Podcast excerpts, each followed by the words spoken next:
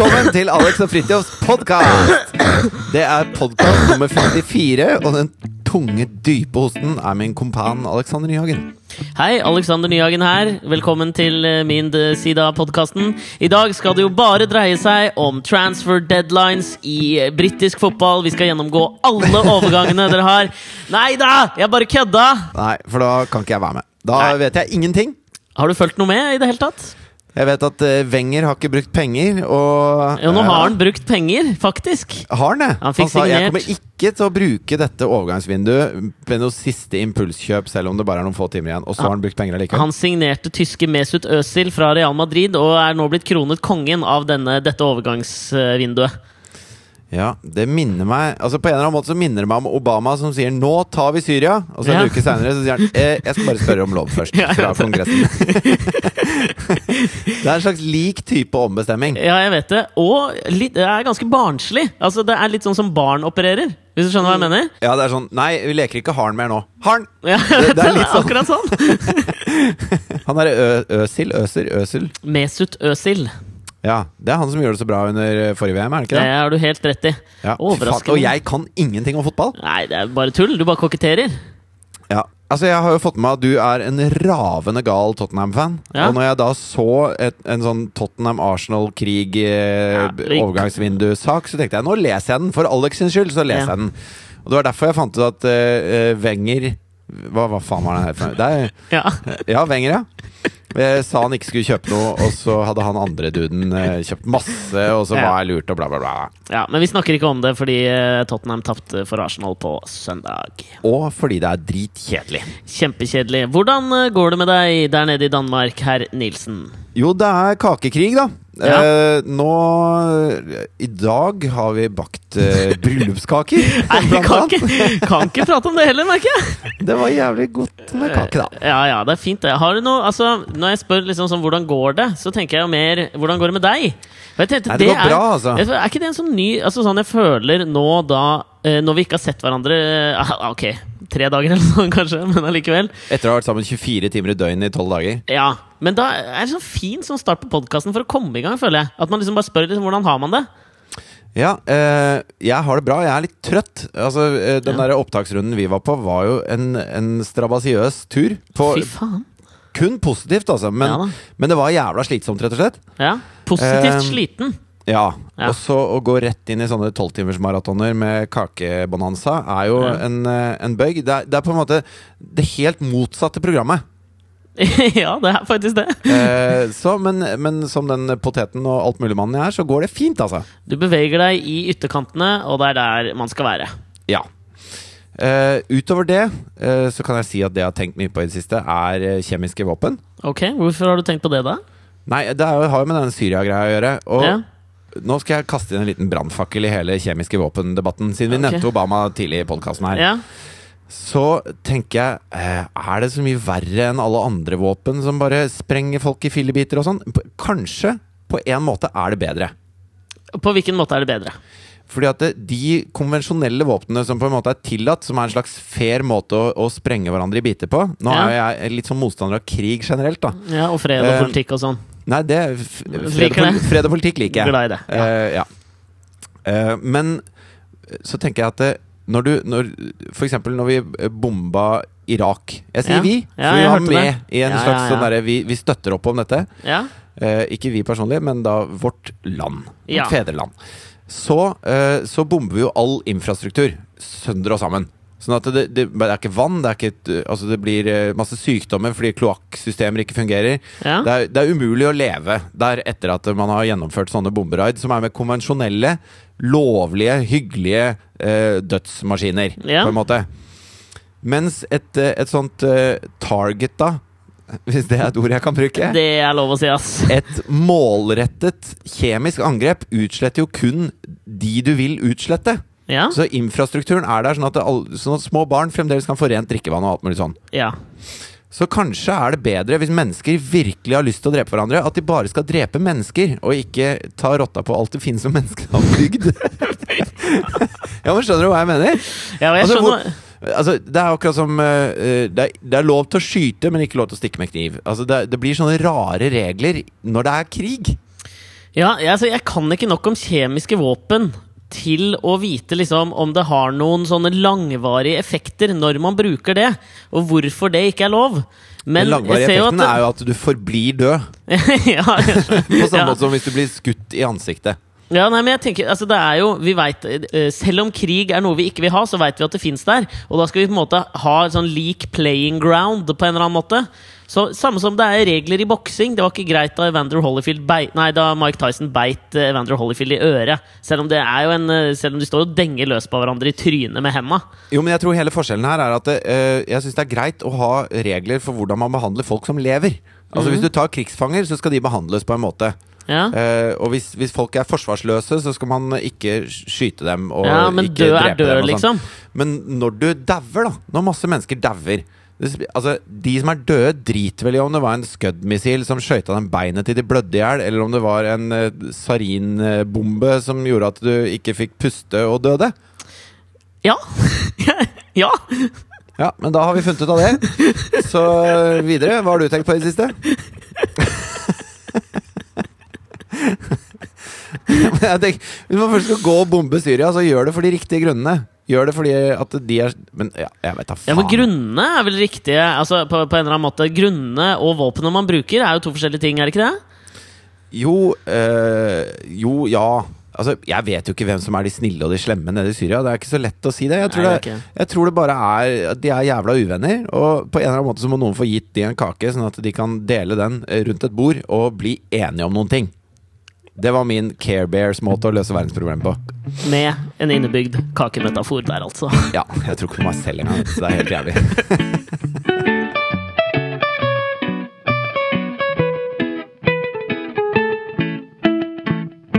Du, det Jeg tenkt på, jeg leste en sak her om at uh, noen sånne studenter på MIT borte i USA Ja. hadde laga en uh, computer Velkommen til 2013. Hadde laget et program da som het My Automated Conversation Coach. Eh, Forkorta da MAC, som i Mac 3. ikke sant? Jeg, liker jo, jeg er veldig glad i sånne Hva er det heter for noe? Akronymer? ja. Men som i Mac? Altså MAC? Nei, MACH. Oh, ja. Så det var ikke en superakronym de la på den siste H-en på coach men det var, jeg liker akronymer. Ok, greit. Eh, det, der, det var jo da et eh, program som eh, Ja, the, the clue is in the title. Det er artificial intelligence. Så du får opp en person på, på dataskjermen din Ja. som enten kan være en sånn dame Jeg så bilde av det. Dama ser litt ut som eh, Ja, kanskje en sånn japansk androgyn rockestjerne. Mm. Og mannen er en sånn midwestern-ish eh, kar, da. Som eh, de har lyst til å bruke for mennesker som sliter litt i sosiale settinger. Okay. Så, så hele greia er liksom sånn at nå, er da, nå skal eh, maskiner lære oss å bli menneskelige. Eh, fordi da er det en sånn at du prater med maskina. Uh, og den svarer deg, og alt mulig sånn Og så registrerer den en del ting du gjør. Hvor mye du blunker, hvordan du snur på hodet, om du driver med fakter med hendene. Så den skal lære deg å bli en bedre konversasjonspartner. Ja. Noe jeg synes var litt sånn eh, eh, Dette syns jeg var litt sånn fascinerende. Eh, Fordi jeg også så da eh, traileren på en film. Igjen. Ja, Var inne på apple.com slash trailers. ja, ja ok. Og han Spike Johnsey Jeg har alltid lurt på hvordan man uttaler navnet hans. Jeg Er sier Spike Jones, jeg. Ja, Spike Jones, ikke sant? Ja. Spike Jones, Men det skrives jo John Z. Ja, men det er sånn som Beyoncé. Ja, det sier man jo. For så Ja, det gjør man jo. Kanskje det er Spike Jonze. Ja, Han har laget da en uh, ny film ja, Hva faen, har vi, har vi noe på han, eller? Being John Malkovich har han vel laga? Where Ja, the Wild Things en- Are? Ja, og så har han vært en litt sånn der forkjemper for eh, folk som ikke har det så bra og sånn. Ja. Så han har laget Og- en del sånn altruistiske filmer. Altruistiske, i hvert fall. Ja, potato potato. Og så har Og- han laget en jævlig bra eh, skateboardfilm. Ja, det var det, og veldig sånn affiliert med den derre Jackass-gjengen. Han har jo vært Ja. med litt sånn der og det skatemiljøet. Uansett, en kul fyr, syns jeg. Absolutt. Det er han som har regissert denne, som heter Her. En film med han Jokin Phoenix i hovedrollen, så jeg føler det er en sånn skreddersydd rolle for han. En litt sånn fremmedgjort mann i en eller annen nær fremtidssetting. hvor uh, Som uh, har mista kona si, eller et eller annet sånt. Og så får han da Da har vi kommet dit at maskinene kan liksom skape en sånn eh, En person av en stemme som han kan drive og prate med hele tiden. da Skal Og du fortelle hele traileren, eller kommer du til et poeng? Jeg kommer til poenget akkurat nå. Ok, greit. ja. Eh, Stemmen er da eh, selvfølgelig Scarlett Johansson. Hun har jo en sånn veldig behagelig stemme. Ja. Så hun er jo bare da stemme. Og så tror jeg det er sånn at han forelsker seg Eller det sier jo traileren. Han forelsker seg da i denne uh, datapersonen. ja. Eh, og uh, dette har jeg eh, tenkt noe så jævla mye på. N nummer én er jo da hvis jeg skulle hatt en sånn person Hvis jeg hadde vært litt ensom da og skulle hatt en person inni min datamaskin hvordan skulle den hørtes ut? Fordi da kan du jo sikkert bestemme det sjøl, tenker jeg. Hvis, vi er så smarte at, hvis maskinene er så smarte at de, at de kan svare deg, så må du jo kunne da gjøre noen innstillinger sånn at du får akkurat det du ønsker deg i sånn stemmemessig, ikke sant? Jo, men øh, øh, Først så snakka du om denne som skulle lære deg å bli en bedre konversjonalist. Ja, Ja. ja. Og, så, og så var det denne filmen med en som forelsker seg i en slags kunstig intelligens. Ja, for det var det jeg tenkte da, at det kan jo fort skje. Hvis vi begynner å prate med de personene, da, si at jeg skal liksom lære meg å bli en god konversasjonspartner gjennom dette MIT-programmet. Ja. Og så så jeg, Rett etter jeg hadde lest den saken, så så jeg jo den eh, traileren. Og da tenkte jeg at eh, for ensomme mennesker så må jo det der være et, Det må jo være en jævla fest, da! Plutselig så har du noen som er der for deg hele tiden. Ja, men det er jo sånn som øh, altså, du vet, du får kjøpt, Det er noe som heter realdoll.com, hvor du kan kjøpe sånne silikondukker som koster rundt 100 000 kroner. Hæ? Aldri De er, de er uh, like store som uh, mennesker. Ja? Og, helt sånn utrolig eh, naturlig formet, da. Altså. Hvis man liker silikonpupper, eksempel, så er jo det det er på denne kvinnen, da, som man kan kjøpe for 100 000 kroner. Okay. Som har tre eh, vibrerende, funksjonelle hull. Vibrerende! Jeg tror det. Shit! Eh, men det er i hvert fall for folk som er ensomme. Så, så kan de kjøpe en sånn dukke som de da kan eh, den Vanlige klær passer, og de ser veldig sånn lifelike ut. Jeg kan legge ut bilder av noen sånn real dolls på, på Alex og Fritjofs podkast på Facebook. Men, men det, er jo, det er jo den samme greia. Ja, men var det ikke også Jeg mener at jeg leste om en fyr nå som levde med utstillingsdukker. En i Norge, tror jeg det var. Ja, ok. Eh, som som det hadde, han hadde liksom masse utstillingsuker, sov med dem i senga, sånn, så hadde han tegna brystvorter på puppene deres og øynene og alt mulig. Da ville jeg jo spart litt og så kjøpt en sånn real doll. Det jeg tenker ja, Hvis du har masse sånne, invester i én god en med vibrerende cavities. Men, men eh, hele greia her blir jo å erstatte det virkelige liv med noe, med noe kunstig, da. Ja. Og, og hvis man gjør det for å lære å bli en bedre konversasjonspartner for folk i det virkelige liv, så mener jeg man starter i litt feil ende. Ja. Da kan man jo bare gå ut og prate med folk. da Det er folk overalt. Bare begynn å prate med dem. Ja, men det er sikkert det som er liksom vanskelig for, for folk. da Og det som kanskje fascinerte meg litt her, er at eh, nå kan man Altså hvis man kan trene på det, da, da, da har vi liksom dratt det til at man kan trene på alt uten å ha menneskelig kontakt. Ja, men, men, eh, men det du egentlig trenger å trene på, det er jo hvordan det mennesket reagerer tilbake igjen. Og det vil jo en datamaskin gjøre annerledes enn et menneske. Rett og slett fordi alle mennesker også reagerer forskjellig. Så det fins ikke én måte som noen reagerer tilbake på. Nei. Sånn at med en gang du kaster deg ut og, og skal teste alt du har lært, da, så er du plutselig på like dypt vann igjen. Du Ja, må jo jo gå ut og øve hos folk, tenker jeg. Men eh, du får jo sikkert med deg en del sånne verktøy i, som funker sånn eh, generiske verktøy. da Som liksom ikke holde opp fuck you-fingeren midt i trynet på noen, sånn som jeg gjør mot deg nå. Ja, men det du kunne man altså lært veldig veldig fort med bare en kjapp liten tur i Sofienbergparken. Ja, vet du, men da hadde du fått, en, sm- da hadde du fått smertelig erfare det, tror jeg. Jo, men jeg tror at uh, det du lærer av, er dine feil. Og det er en sånn pavlovsk måte å lære ting på. Å gå Ja. ut og vise fuck-you-fingeren til de som sitter og røyker tjall i Sofienbergparken. Da lærer du fort at det er ikke noe du driver med i framtida. Ja, kanskje det, det er veldig sånn derre eh, Cæsar Milan, han hundetreneren. Ja. Hundehviskeren. Ja, er hundehviskeren han kaller seg? Jeg tror det. Ja, kanskje det. Han har vel en omstridt måte å forholde seg til hunder på, for han mener jo at du kan sånn dytte borti dem litt sånn hardt når de gjør noe feil. Ja. Og det er jo veldig mange hundeskoler. Jeg har jo faktisk gått på sånn teorikurs på hundeskole en gang. og da var de veldig, veldig uenige i måten han tilnærmet seg hundeoppdragelse på, da. Og nå kan jeg jo si at den bikkja di ble jo ikke spesielt veloppdragen. Så det kan jo hende at jeg heller mer mot han Cæsar Milan enn jeg gjør mot den hundeskolen som bare ga de klem og kake. Ingen kommentar.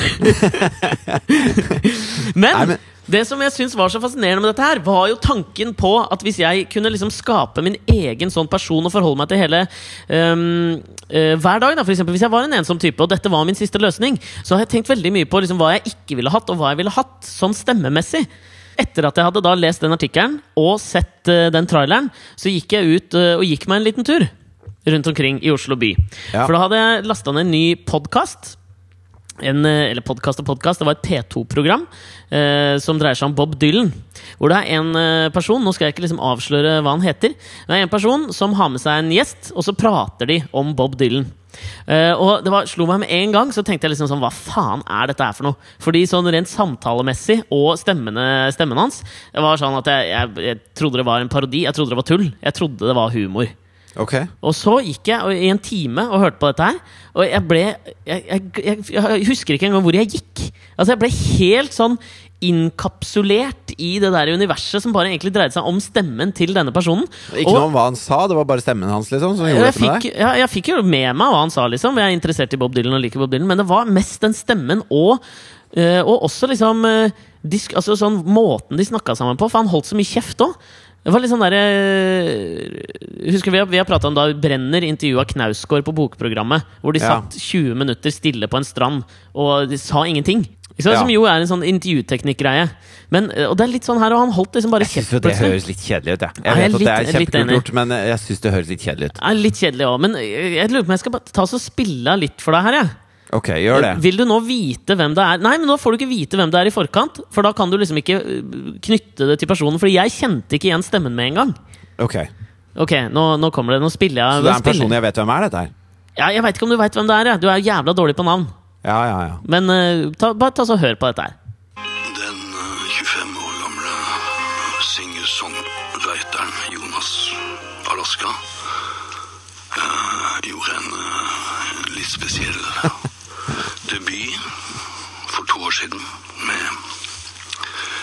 Et selvtitulert album.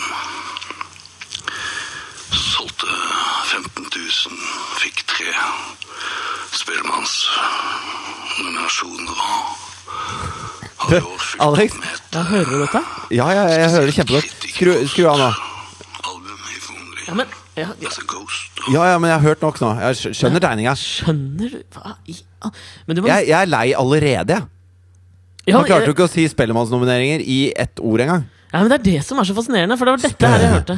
Spellemannsnomineringer Men jeg er ikke enig at altså, Jeg kan skjønne hva du mener, men fordi i starten tenkte jeg akkurat det samme. Men når du har den stemmen der på øret i en time, helt inni øret ditt jeg, jeg, ble helt revet med. Det er da Håvard Rem, eh, forfatter. Ja. eh, og han har oversatt en del jeg, jeg lurer på om det er han som skrev eh, den Spanish Steps-låta som Morten Harket Jeg tror til og med han vant Spellemann eh, for det. du, Det må jo ha tatt en evighet hvis du dytter de to i samme rom. Morten Harket klarer jo ikke å fullføre en setning, og han her bruker tre kvarter på det. Det høres jo helt jævlig ut.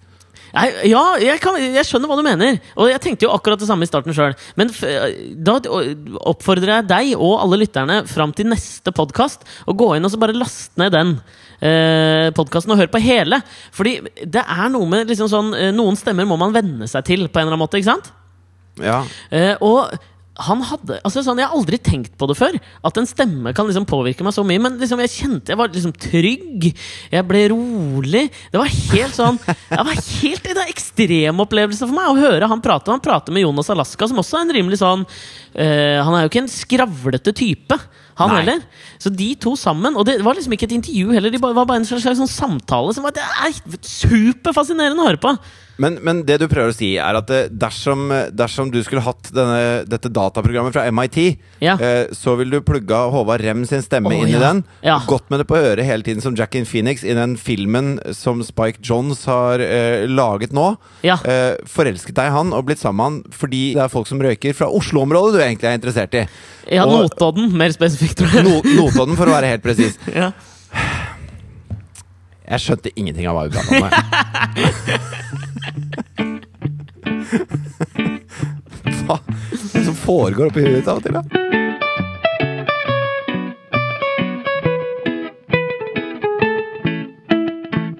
Men jeg tror sikkert siden det er Spike Jones som har laget den filmen du snakka om, Ja. med Jackin Phoenix, så Er det har han Jacken? ja, Det er sånn, jeg, jeg veit ikke. Han har et uuttalelig navn på norsk. Joakim? Jo, han heter ikke Joakim. Joakim? Joakim Phoenix. Jeg tror han heter Jackin Phoenix. Ok. Ja, jeg bare spør, jeg. Vi kan taste det inn i uh, Google Translate, og så få det til å si det for oss. Si- jeg vet det. Og håper det er Håvard Rem som har stemmen på Google Translate snart. ass. Joaquin Phoenix. Joakim Phoenix. Uansett, Ja. når Spike Jones Spike Jones Vi klarer ikke å si noen navn lenger! Når han lager en sånn film, så er det sikkert som en slags kommentar til samfunnet vi lever i. da Ja, ja. og jeg så uh, Fordi jeg var jævlig trøtt i går, så satte jeg på Kickass 2 på hotellrommet. Ok. Kickass er jo da filmen eh, hvor vanlige og barn blir superhelter. Ja. Litt Ganske- som vi prata i, om, i en podkast for en tre-fire ganger siden borti Var det i London? LA? ja det, det lign- eh, jeg tror faktisk det var i eh, Atlanta eller noe. Ja, det var, det var. Atlanta. Eh, eller Seattle. Samme det. Men i hvert fall, eh, det er veldig som de real life superheroes. Kickass er liksom akkurat det samme, bare at de er litt flinkere til å slåss, da. Men de er fremdeles ikke superhelter. Så jeg så i hvert fall Kickass 2, hvor Jim Carrey er med. Ja.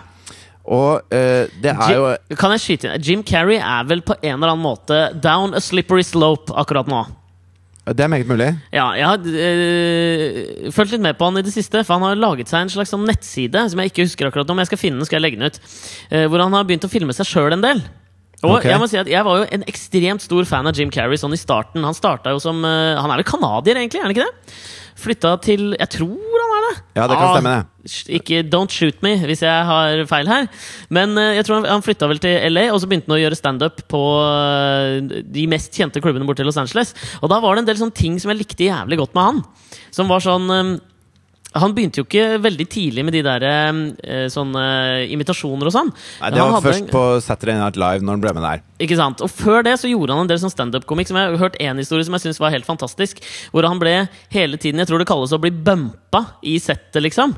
Fordi du har jo da mange mange komikere som skal på i løpet av en kveld. Ja. Eh, og, så og så ble han hele tiden skjøvet ned og skjøvet og skjøvet og skjøvet lenger ut på kvelden. Så flere og flere og flere gikk. For da kom det kjentere og eh, mer etablerte komikere og tok hans plass hele veien. Så ble han så jævlig forbanna.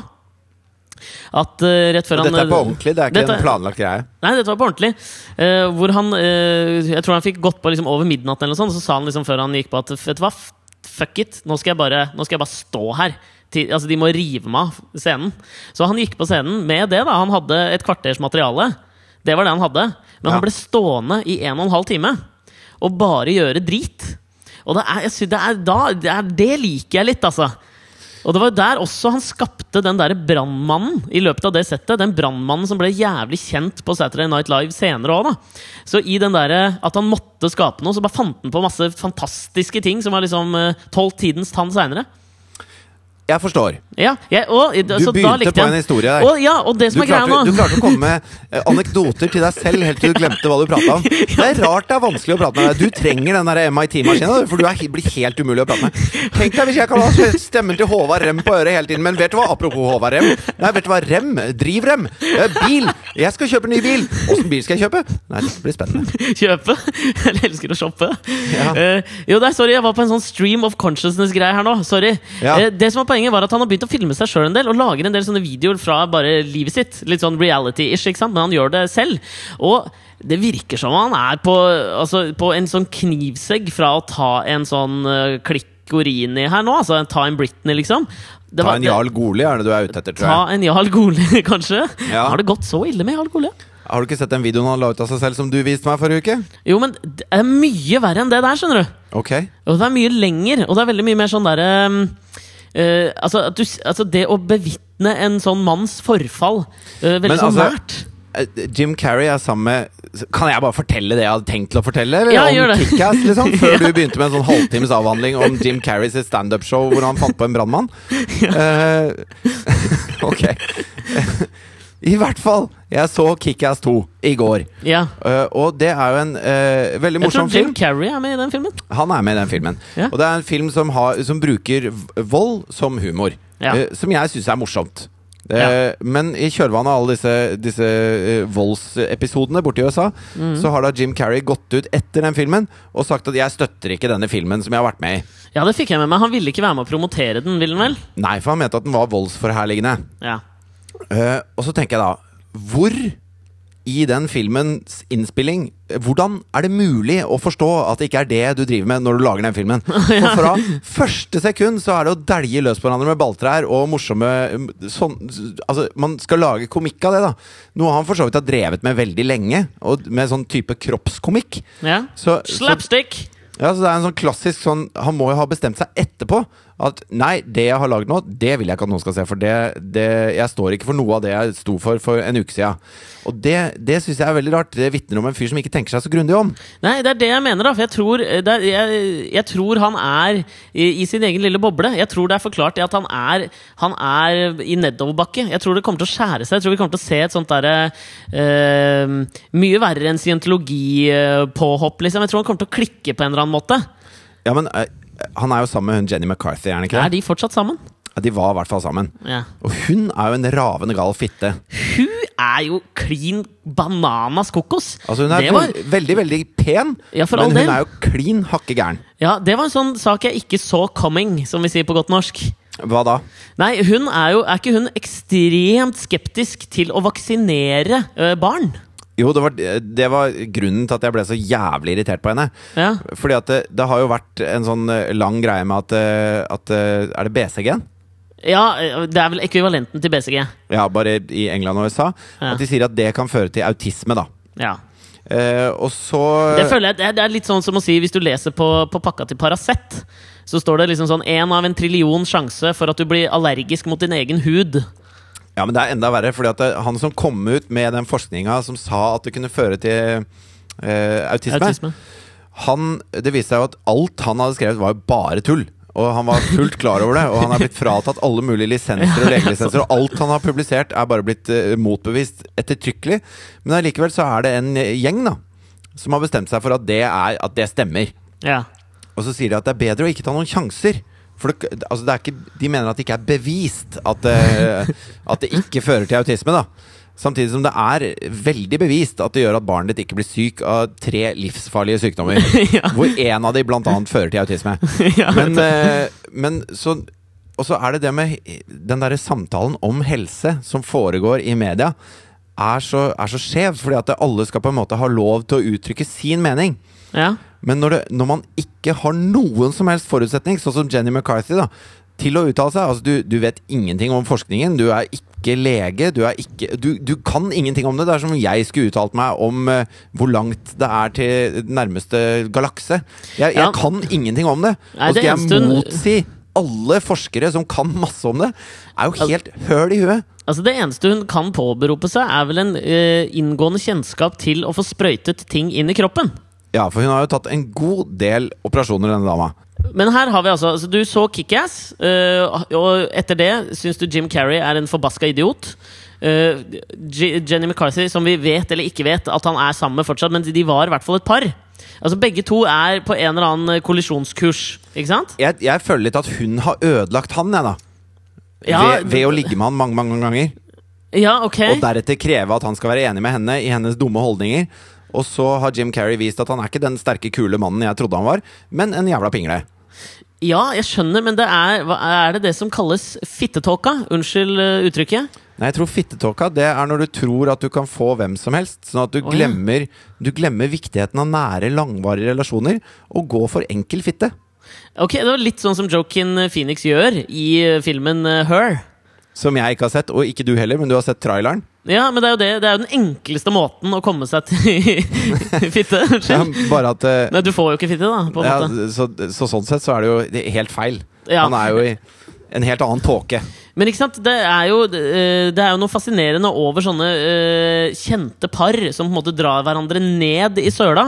Eh, Altså, det er jo veldig ofte altså sånn, Da uh, Tone Damli og Aksel Hennie ble sammen, så var, det, så var det så mye snakk om at, liksom sånn, at de blei noe større for media enn de var hver for seg. ikke sant? Ja. uh, og Men da, det tror jeg vel ble ganske bevist også i løpet av det forholdet deres. Jeg gjorde det, ikke sant? Ja. Men de følte jeg ikke var på, på en sånn der destruktiv Følte jeg, hva faen vet jeg, da. Men det var liksom ikke noe sånn tegn på at det liksom skulle klikke der. Kanskje litt Max Lenny, hva vet jeg. Uansett.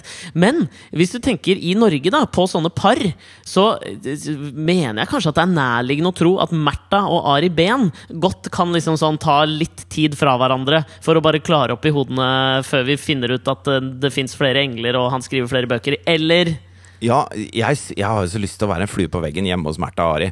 Fordi at det, eh, Jeg føler at de er liksom ute og sveiver, men på så innmari motsatte måter. Så jeg lurer, jeg lurer på hvor, hvor er linken mellom de to? Hva er det de prater om? Når er det de er enige? Når er det de bare Ja, jeg er helt enig, Märtha. Ja, Ari, dette er kjempebra. Altså, mens han sitter og snorter kokain, og hun eh, sitter og skriver en bok om engler. Jeg, jeg ser ikke linken, da. Nei, jeg ser ikke trefningspunktene jeg heller. Nå kommer jo han fra et rimelig sånn astralt hjem, da. Mora hans, Marianne Behn, er jo sånn der uh, krystallterapeut, eller hva nå enn det heter. Hun slo seg jo sammen med Eli Rygg på et tidspunkt, og de lagde et sånt foredrag for kvinner, i, altså middelaldrende kvinner. Sorry, det er generaliserende, men det er jo de som besøker dem.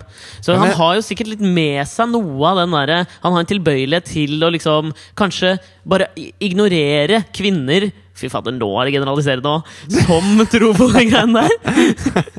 Jo, men jeg tror ikke Altså, jeg tror ikke at du kan leve og bo og ha det kjempebra sammen med noen som du, som du ikke begriper åssen de kan tro på det de tror på, eller være sånn som de er. Nei, og eh, en annen ting som jeg også de har lurt på, er jo da Kyrre Holm Johannessen og Lisa Tønne. Ok? Ikke sant? Eh, etablerte begge to, eller? Kyrre Holm Johannessen fra Karate P3 jobber vel nå som noe sånn radioreklamemaker. Ja. Han var pro programleder på Idol. Mm.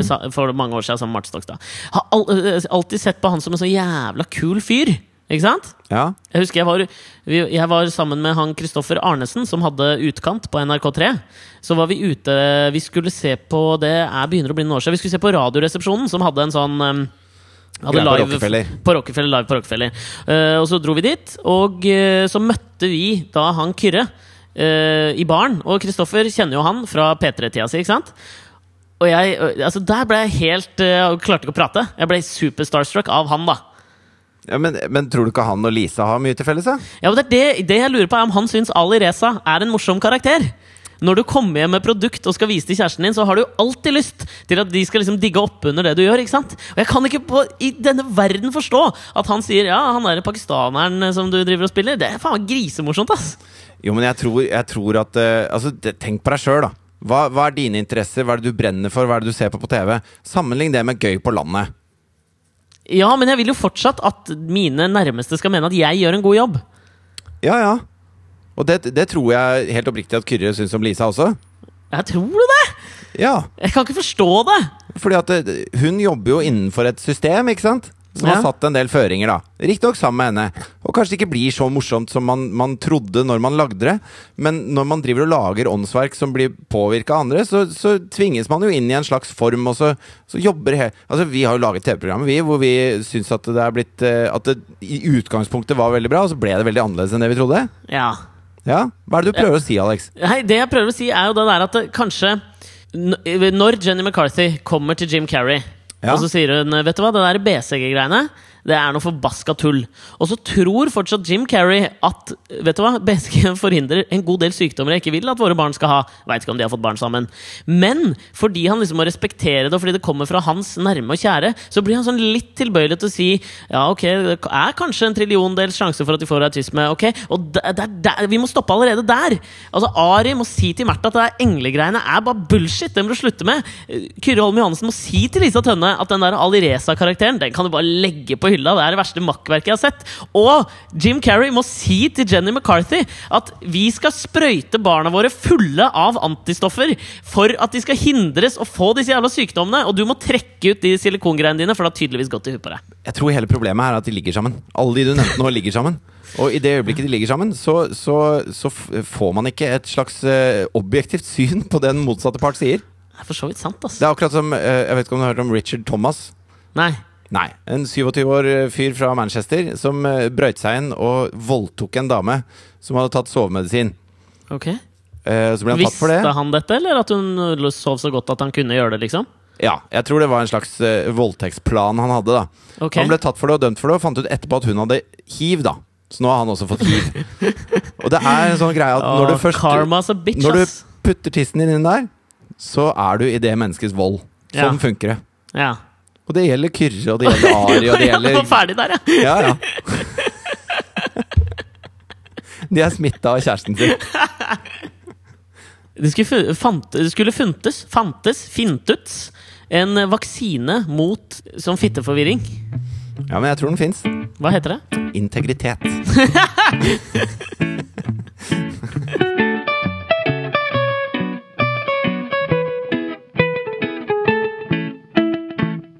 Jeg var i 40-årsdag på mandag.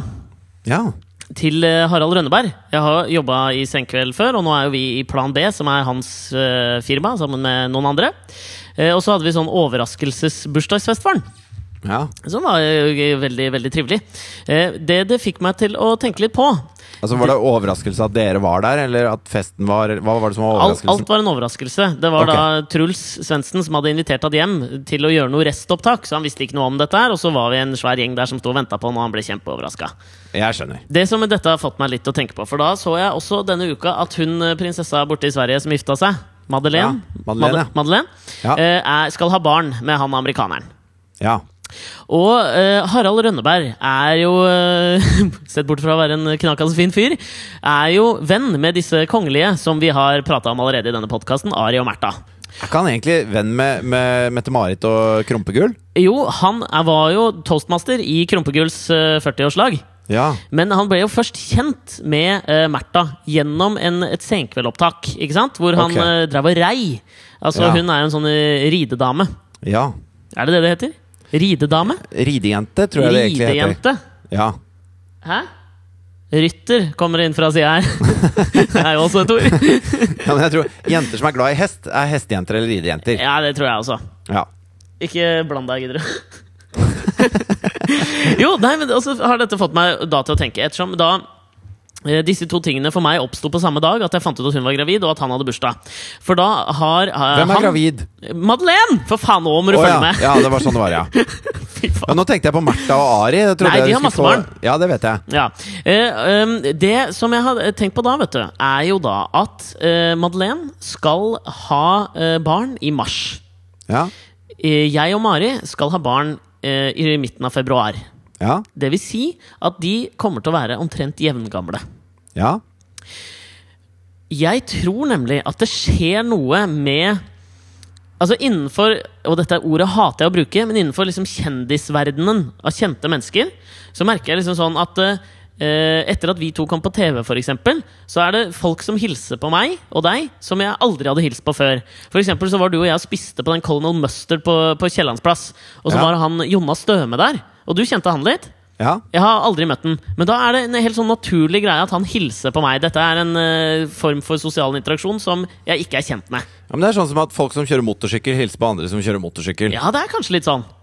Uh, men det jeg tror Eller på, på sjøen så hilser alle som kjører båt, hilser på hverandre. Ja, ja, gjør de det? Ja, man, man skal det. Man Ja, okay. gir et lite vink, liksom. 'Hallo, Ja. jaså, du er på sjøen', og 'hei'. Det som jeg uh, har tenkt litt på da, er jo Jeg tror nemlig det skjer noe i denne her uh, kjendisverden med en gang man er i samme alder som en kongelig. Sånn som for for eksempel eh, for de som er på alder rundt 40 nå, så er det en del kongelige som er på den alderen, ikke sant? Ja. Märtha, Ari, Mette-Marit, Håkon Alle er rundt den alderen. Ja. Da tror jeg det skjer noe med den der eh, dynamikken. Fordi jeg tror alle på en måte strever etter Altså Hvis man er på ett nivå av kulhet, f.eks., så vil man jo alltid prøve å komme til det neste. Det Da jeg sånn, føler, da føler du kongehuset er det høyeste? det tror jeg definitivt det er. Det er liksom den største sånn identitetsmarkøren. på at man er, du etter det greiene der? Ja, Det er det jeg har tenkt litt på. skjønner du At kanskje jeg nå burde etterstrebe å flytte til Sverige og få spleisa min kid med Madeleine sin kid. Ja, Det kan jo være et langsiktig prosjekt, i så fall. Et ekstremt langsiktig prosjekt. Du kan jo ikke begynne det prosjektet om 20 år. Nei, det må nok være Si litt 15, før. da. 15 år. Ja, men altså, i, den, I de slektene i Sverige, adelen Jeg må jobbe en del for å liksom komme inn der. Og eh, nå For å ta det med en klype salt, jeg mener ikke dette. Jeg bare syns det er et sånn inter interessant sånn tankeprosjekt å tenke på. For, Ja. Fordi La oss se sånn som med, med Rønnis, da. Så har Ja. han på en måte nådd Han har nådd et eller annet nivå hvor man ikke kommer Man kommer ikke høyere av å være bevandret innenfor noen kretser som Men på en måte er utilgjengelige. syns du dette er kult? Er dette noe du har lyst til å gjøre selv? Nei, egentlig ikke. Men Det, grunnen til at jeg begynte å tenke på det, var jo fordi de to kunne bli like gamle. Og da kunne jeg eventuelt få spleisa de to og nå det nivået. Men jeg tror det er så mange som syns det. Det er så mange som jeg tror strever etter det nivået. Ja, altså Jeg tenker jo, jeg tenker jo umiddelbart at det, eh, at det er litt sånn ungdomsskolegreie. Ja, det, Som, absolutt det det som er. da, fordi det er, eh, fordi det er eh, Altså, de kjendisene har på en måte ikke vokst opp fra den ungdomsskolegreia. Da. Så man prøver å gjøre kule ting for å være kul, sånn at de kule skal synes at du er kul. Og så Ja, ja. når de kule syns du er kul, så fins det noen kulere rundt hjørnet som du må være enda kulere for. Og så blir det sånn jævla jag, da. Ja, det er akkurat det jeg mener. Også Og jeg er jo sammen med vennene mine for å ha det gøy og, og slappe av og ta det med ro. Og, og, eller ikke ta det med ro, men altså ta det med ro sånn at jeg, jeg skal ikke strebe etter noe da. Da skal jeg bare ha det gøy, liksom. Ja, men du kan jo sikkert ha det gøy med disse folka også. Men jeg tror det er rett i at det er, en jævla, det er et jævla jag, da. Men så det jeg bare lurer på, er da når man treffer eh, toppen som eh, altså, Sånn kjenthetsmessig så tror jeg det er veldig mange som bryr seg om det. Jeg okay. tror, tror ja. det er mange som er såpass overfladiske at de bryr seg om det. Liksom, hvor høyt man, man kan gå, ikke sant? Ja. Eh, jeg var for, for eksempel eh, borte i Sverige og så så på den forestillinga til han Alex Schulman. Han som har Alex og Sigge sin podkast. Han er jo sammen med Amanda Schulman, Ja. som jo er av litt sånn adelig slekt. Ja. Så han har blitt dratt litt inn i det greiene der. Ja, og han øh, tegnet opp et sånt svært kart over svenske kjente mennesker. Eh, og så dro han linjer mellom alle på hvem som, hvis de hadde vært samlet på én fest, hvem kan snakke med hvem, og hvem vil ikke snakke med den andre fordi de er på forskjellige nivåer av kjenthet. ikke sant? Skjønner du hvor strebete dette her høres ut, eller? Ja, det er helt he- sjukt! Det er he jeg, det er, altså, det er jeg forfekter ikke dette. Det må jeg bare Nei, nei, jeg- jeg Men vet jo det. det er, jeg, jeg, jeg opplever det som så ekstremt slitsomt. Men det som jeg liksom har begynt å tenke på da, er jo når man da Si at jeg hadde fått spleisa kidden da med, med barnet til Madeleine. Så hadde jeg jo da på en eller annen måte nådd toppen der. Ja. Det er da hvor, hva, hvor går man derfra? For jeg tror ikke rastløsheten slipper tak. Skjønner du hva jeg mener? Jo, men altså, Det norske kongehuset ligger jo under det svenske. Ja, det er det jeg mener. Svenske er jo høyere, ikke sant? Ja, så derfra, altså, Videre oppover der så kommer jo det engelske, og du har dette Monaco-greiene, og du har Altså, det går jo bare oppover og oppover. Og derfra så er det jo da eh, Altså, det høyeste er vel en slags sånn derre Obama-greie. Ja, eller Clinton-familiene. Ja. Altså, hvis de ringer når de er i byen for å ta en kaffe på Joe and the Juice, da, Ja. da er du innafor. Men for noen er det sikkert Trump. Altså For Frp-velgerne er det sikkert Trump. Ja, for jeg tror, jeg tror det til og med de der, de der skillelinjene kan man liksom trekke blant vanlige folk. Det trenger ikke å være kjente mennesker. Jeg tror nesten du kan trekke det langs Altså i disse valgtider. Jeg tror du kan trekke det langs partiskillelinjene. Hvem som vil være det øverste hylla av de menneskene man streber kulhetsmessig etter. Ikke sant? Jeg tror Arbeiderpartiet Hvorfor gjør Erna det så bra da? Hun, er, hun har jo ikke noe kulhetsfaktor, hun. Nei, nei, men at de menneskene som er, er der, hva de streber etter, det tror jeg man kan skille etter hva man stemmer. Ok. Altså, Sånn som eh, Arbeiderpartiet. Definitivt Clinton-familien, tror jeg. Eller Ja. Obama. Clinton-Obama. En eller annen sånn stor demokratfamilie. Ikke sant? Selv om Kanskje noe demokratene Kennedy er jo mye nærmere høyre, da.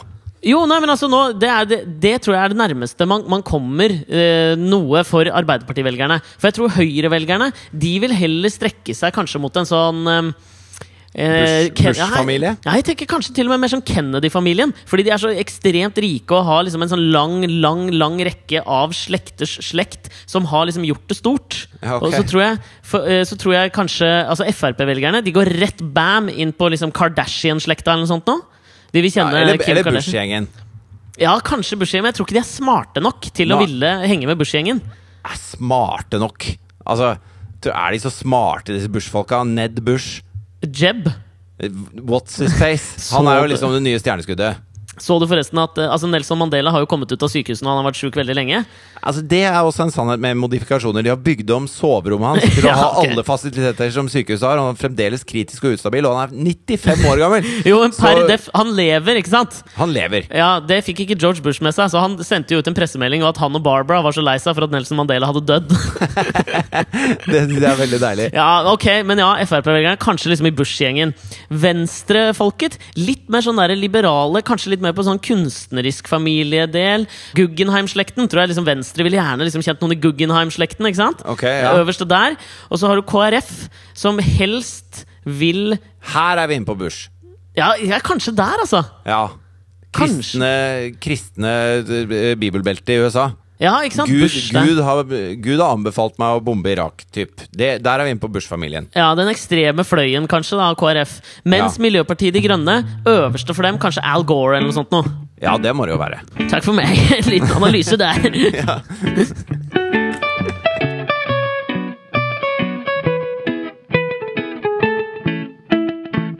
Du, har du lest den saken om han, eh, han politimannen Han politimannen som har skrevet noe greier på Facebook, og så, og så har han fått sparken fordi han har skrevet ting på Facebook. Ja, jeg har akkurat begynt en eh, Jeg la ut en en blogg eh, En bloggtekst. Har en du, fyr har som du begynt å blogge? Nei, nei.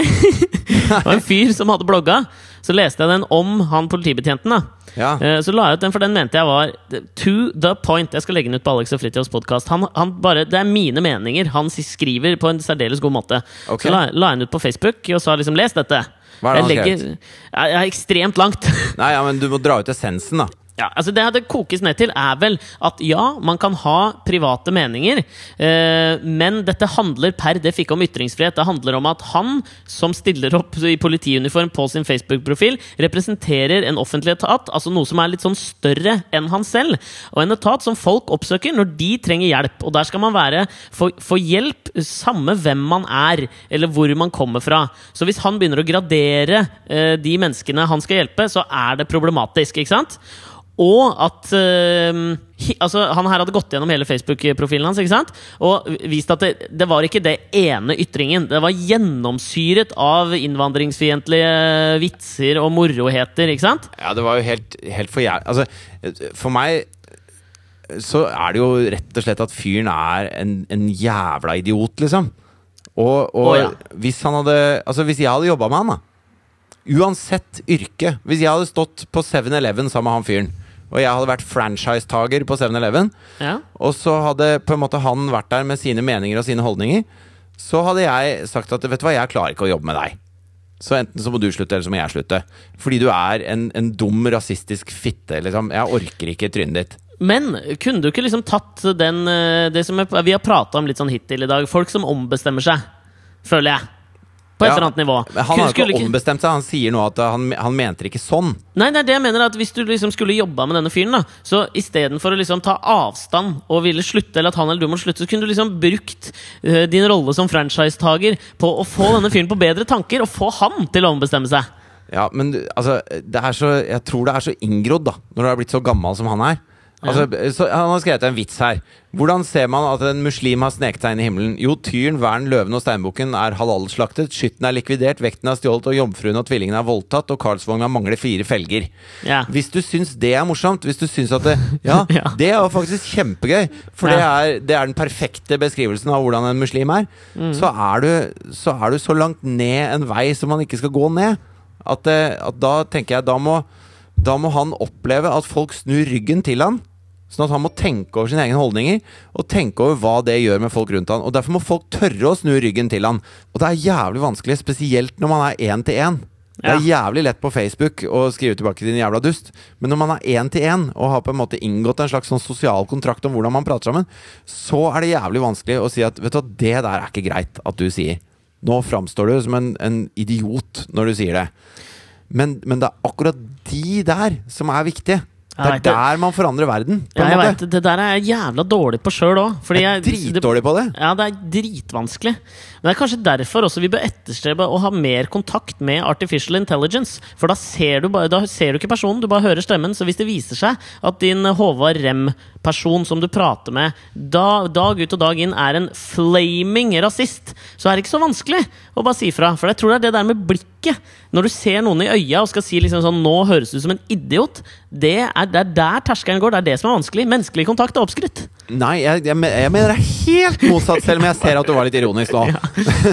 men men jeg, tror at, eh, jeg tror at det at vi kommuniserer så mye uh, uten øyekontakt At vi kommuniserer på, eh, på alle mulige andre måter. Til og med å snakke i telefonen er ikke nært nok. Nei.